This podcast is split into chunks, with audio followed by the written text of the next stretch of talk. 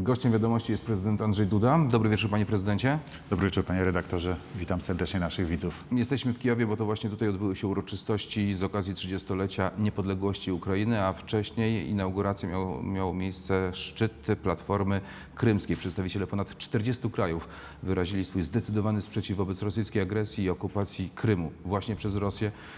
Jakie znaczenie ma ta deklaracja, te słowa, które popłynęły z Kijowa?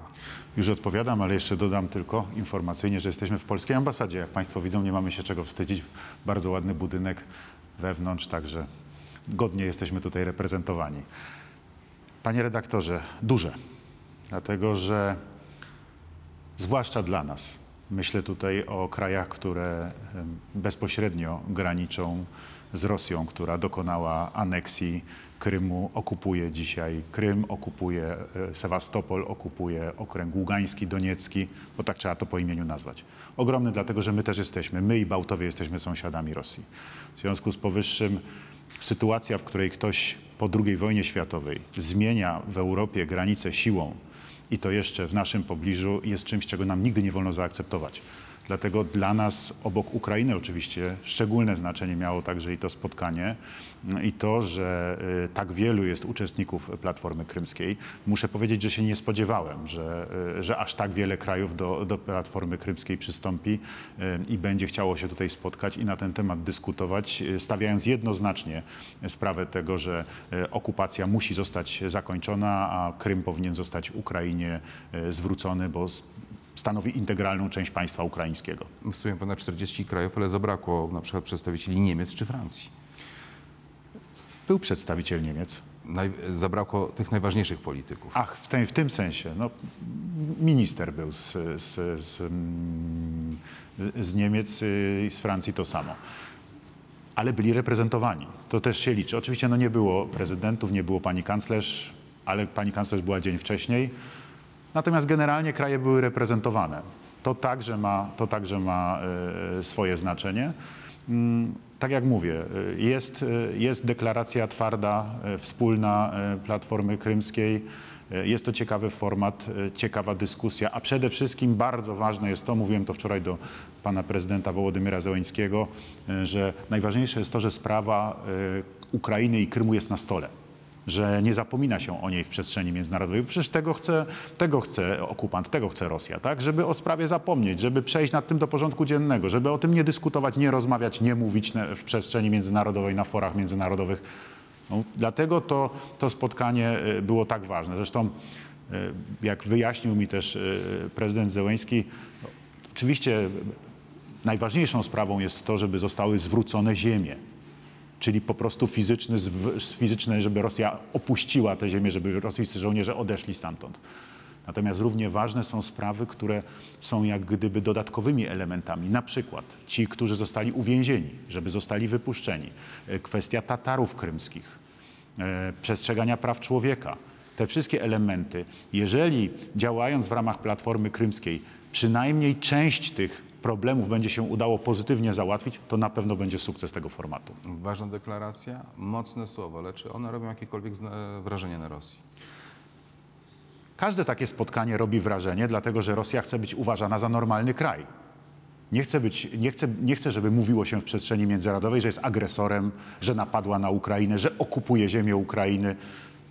Wiadomo, że to, to nie jest, to nie jest dobra, dobra łatka, że ktoś jest okupantem, że ktoś jest agresorem.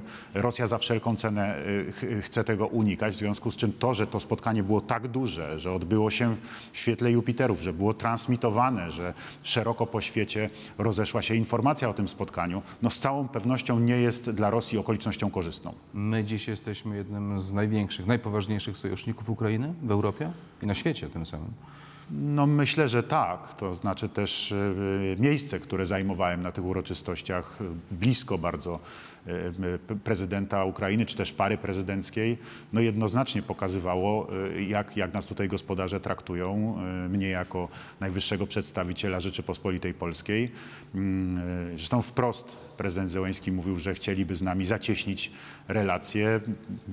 Rozmawiał ze mną też pan premier, y, który powiedział do mnie, że wybiera się do nas do Polski i będzie miał spotkanie z premierem Mateuszem Morawieckim, że bardzo mu zależy na tym, żeby pogłębić relacje. mm, i żebym, żebym jakby, czy, czy mógłbym zasygnalizować panu premierowi Morawieckiemu, że mu na tym zależy, żeby te relacje były pogłębione, żeby spotkania były częstsze. Także wydaje mi się, że mm, tutaj y, powiem tak, wydaje się, że sprawy idą w pozytywnym kierunku na przyszłość. A jakie są dziś te nasze wzajemne polsko-ukraińskie relacje? Jakby pan je określił, opisał? One są trudne w sensie historycznym, bo wszyscy dobrze pamiętamy, tak? Zbrodnia wołyńska, y, rzezie, których dokonano na Polakach, cała sprawa związana z drugą, z drugą wojną światową, później po II wojnie, y, po II wojnie światowej, tak?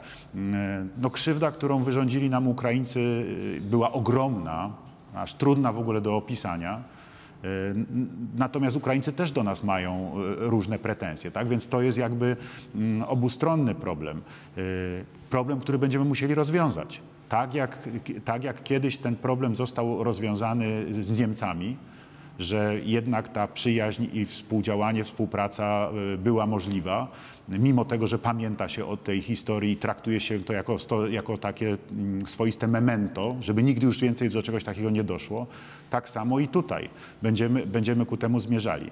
Natomiast no, nie wolno w tym kontekście zapominać o tym, że żyjemy w dzisiejszych czasach i że przed nami przyszłość. Sprawy naszych dzieci, sprawy naszych wnuków, e, jak oni, jaką oni będą mieli relację. Że dzisiaj y, mamy, jak niektórzy mówią, dwa miliony obywateli Ukrainy w naszym kraju, którzy żyją obok nas, który, którzy bardzo często razem z nami pracują, y, którzy obsługują nas w sklepach, którzy świadczą nam y, różne usługi, y, otaczają nas wokół i uważam, że jest to nasz dobry sąsiad, z którym powinniśmy starać się współ, współtworzyć jak najlepszą przyszłość. Jeżeli tak będziemy działali, jeżeli będziemy wzajemnie wobec siebie życzliwi, to to, co zdarzyło się tragicznego w historii, nigdy się więcej nie powtórzy.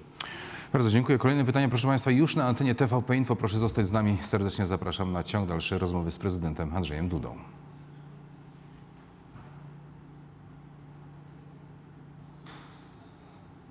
Panie prezydencie, wróćmy jeszcze na moment do kwestii relacji z Rosją, bo one są bardzo skomplikowane, jeśli popatrzymy na całą Unię Europejską. Niektóre kraje mm, z pewnym dystansem podchodzą do wszelkich takich mocnych antyrosyjskich e, deklaracji. Ja nie twierdzę, że tak było tym razem, bo tym razem było zgoła odmiennie. Ponad 40 krajów wyraziło swój zdecydowany sprzeciw.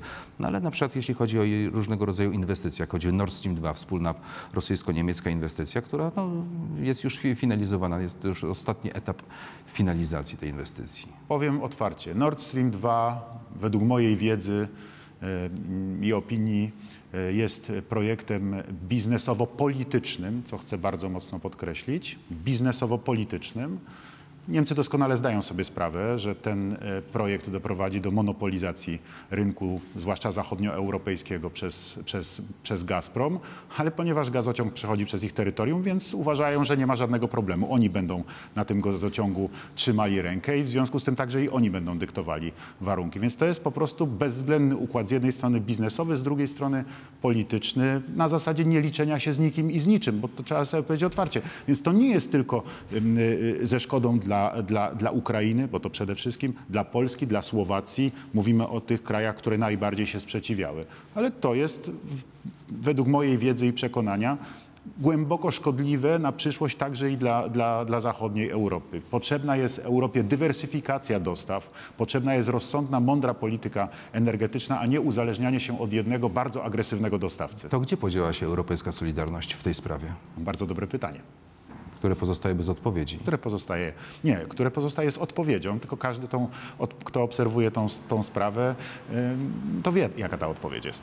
Panie prezydencie, ochrona, strzeżenie własnych, własnych granic to jest e, sprawa oczywiście absolutnie fundamentalna dla każdego niepodległego, suwerennego kraju. Ukraina doskonale o tym wie, przekonała się boleśnie, jak te granice były, są przesuwane. Polska buduje w tej chwili ogrodzenie na granicy z Białorusią. Mur na swojej granicy zewnętrznej, jednocześnie granicy Unii Europejskiej postawili Grecy. Mm, To jest odcinek 40-kilometrowy, u nas będzie dłuższy, nie będzie to mur, będzie to natomiast ogrodzenie. Część polityków, ale także część mediów z obcym kapitałem stanowczo przeciw temu protestują.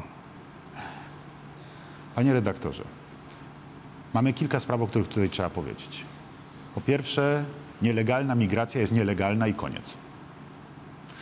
A my mamy obowiązek strzeżenia granicy Unii Europejskiej. Zostało nam to powierzone i staramy się to zrealizować jak najlepiej. To jest jedna strona medalu. Natomiast ta sytuacja, z którą mamy do czynienia dzisiaj na granicy polsko-białoruskiej i litewsko-białoruskiej i łotewsko-białoruskiej, bo to są te trzy granice, które ma Białoruś, to, ma, to jest sytuacja, którą wczoraj we wspólnej deklaracji prezydentów i w czasie naszej rozmowy nazwaliśmy po imieniu, że to jest po prostu akcja o charakterze hybrydowym realizowana przez, przez, przez, przez władze białoruskie. Ci ludzie są wykorzystywani przez nich, ci migranci, są z premedytacją wysyłani na nasze granice po to, żeby zakłócić funkcjonowanie naszych krajów, po to również, żeby mm, mm, podminować naszą pozycję w ramach Unii Europejskiej. Dlatego z taką pieczołowitością i stanowczością strzeżemy granicy, wspieramy w tym zakresie także i Litwinów, naszych sąsiadów, bo to jest coś, na co nikt się zgodzić nie może. Zresztą brutalne wykorzystanie tych ludzi przez, przez władze białoruskie no, woła o pomstę do nieba.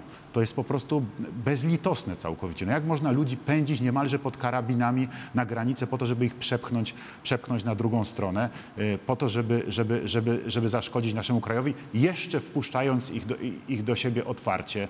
Pomijam kwestię łamania prawa międzynarodowego już nawet. To jest po prostu zwyczajnie od strony ludzkiej nieprzyzwoite. Ale przy tej całej okazji jest bardzo silna gra na emocjach. Rosyjska propaganda pokazuje na przykład ujęcia polskich lekarzy, którzy nie są przepuszczani, by, by pomóc rzekomym uchodźcom.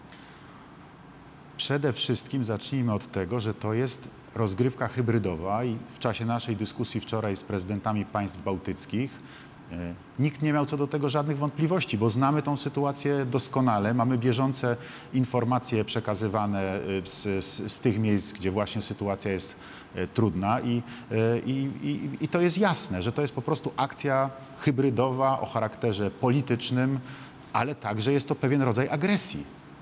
Panie prezydencie, czy w Pana ocenie grozi nam... Dokończę jeszcze. Nie możemy się na taką agresję zgodzić.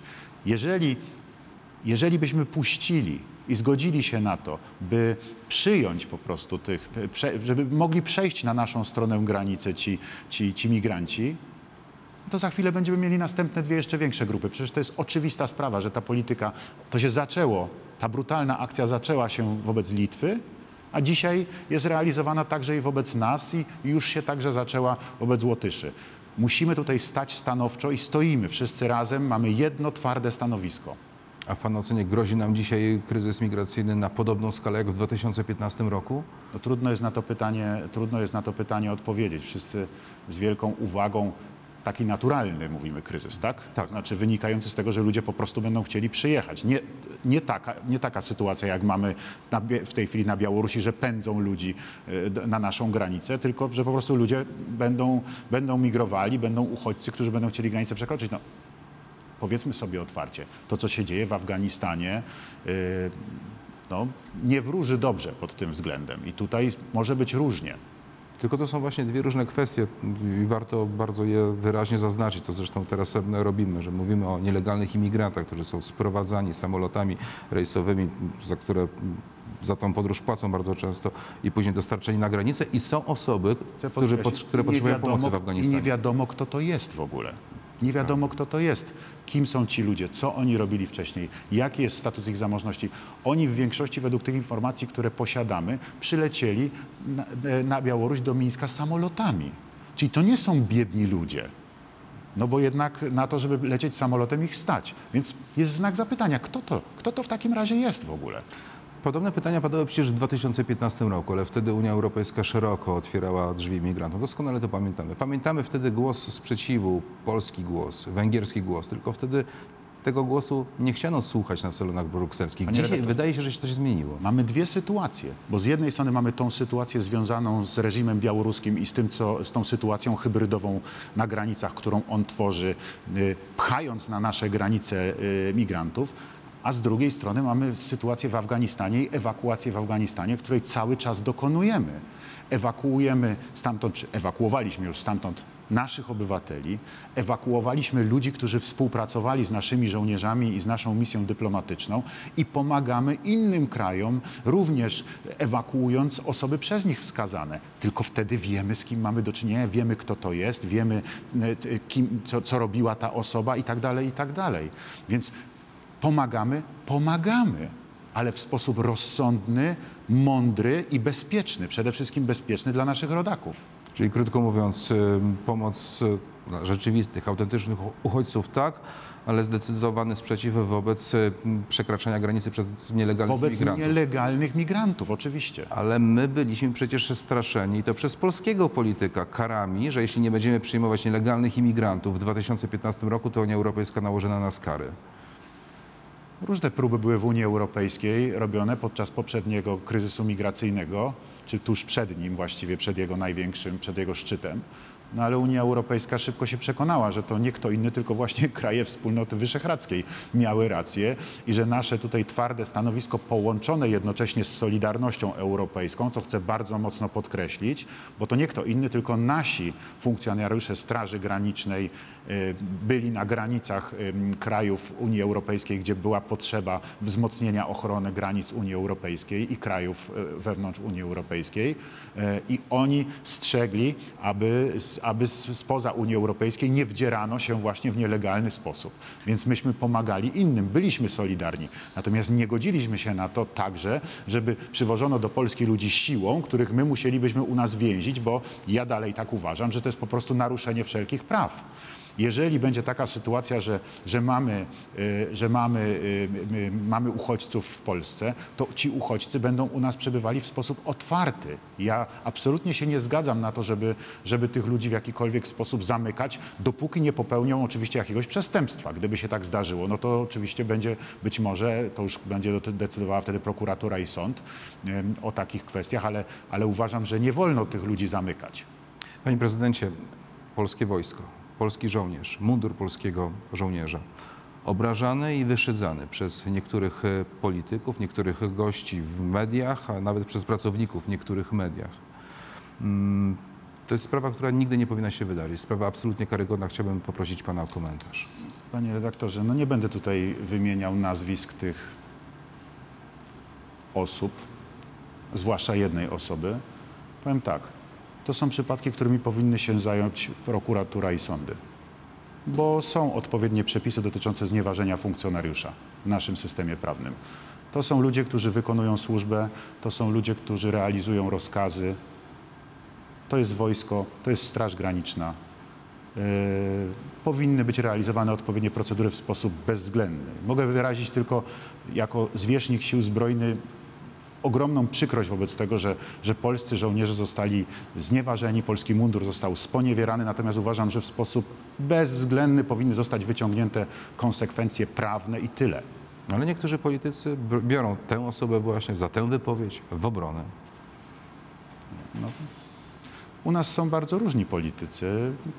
Mamy do czynienia z bardzo wieloma osobami, które można uznać za opozycję totalną. Żeby była pełna jasność, odróżniam, bo wobec ogólnie opozycji nie wolno użyć tego określenia.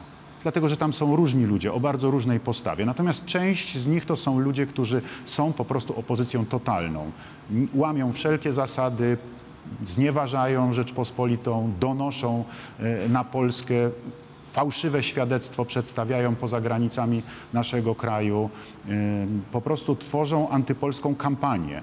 Y, I to jest coś, co nigdy nie powinno mieć miejsca, coś, co, co, co, co, co mnie w ogóle trudno jest zrozumieć. No ale są też tacy ludzie.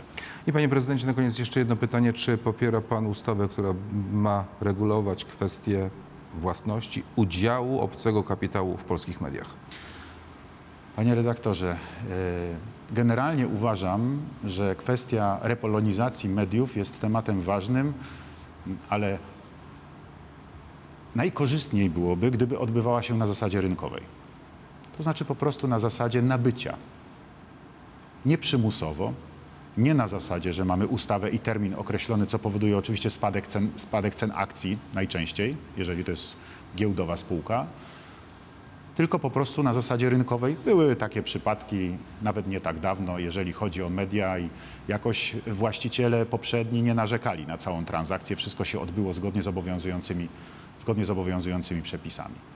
E, Natomiast to jest bardzo kontrowersyjne rozwiązanie, które, które jest niezrozumiałe dla naszych amerykańskich partnerów z dwóch względów. Po pierwsze, ze względu na ochronę własności, do której wiadomo, jaki stosunek mają Amerykanie, to po pierwsze, a po drugie, e, z uwagi też na wartość wolności słowa, która no, w Stanach Zjednoczonych generalnie w mediach jest dosyć bezwzględna. Oczywiście, że zupełnie inną sprawą jest to, co, to, co p- prywatne, prywatne media cyfrowe, myślę tutaj, o, o, e, myślę tutaj o, o, o, o, o, choćby o Twitterze, zrobiły wobec prezydenta Donalda Trumpa e, zdumiewająca sytuacja, coś, co, co, co nigdy nie powinno mieć miejsca. Natomiast, e, natomiast e, e, powtarzam jeszcze raz, w Ameryce wolność słowa jest posunięta bardzo, bardzo daleko. Wystarczy porównać sobie, jaki jest przekaz w różnych amerykańskich telewizjach chociażby. Jedna bardziej prodemokratyczna, druga bardziej prorepublikańska to jest, jest naturalne. Krytyka, e, nawet bardzo ostra, jest w Stanach Zjednoczonych czymś naturalnym.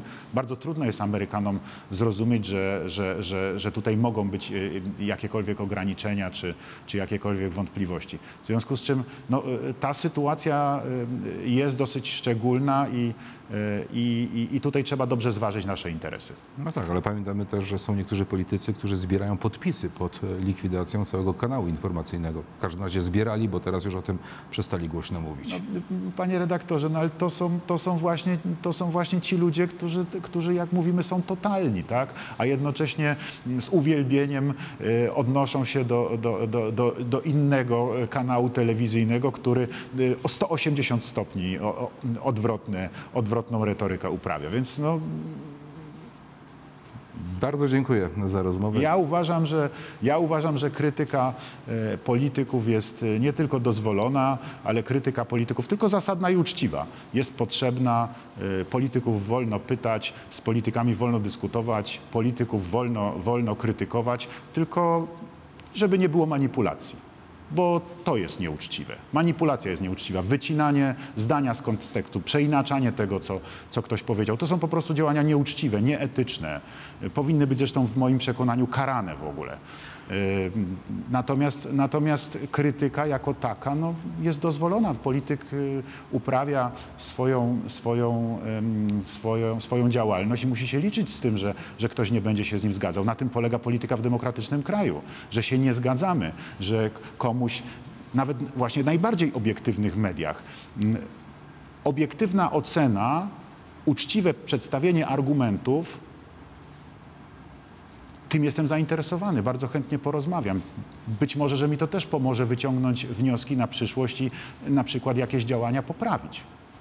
Choć są i Ja w tym nie widzę problemu. Taki, tacy politycy, którzy podczas kampanii mówili, tak, spieszcie się zadawać pytania, bo niewiele czasu wam zostało, ale tego już nie będziemy rozwijać, bo nam czas naszej rozmowy już się właśnie skończył. Bardzo dziękuję. Gościem wiadomości był prezydent Andrzej Duda, a rozmowę przeprowadzaliśmy w ambasadzie polskiej w Kijowie, skąd dziś i wczoraj popłynął bardzo silny głos ponad 40 krajów przeciw rosyjskiej agresji.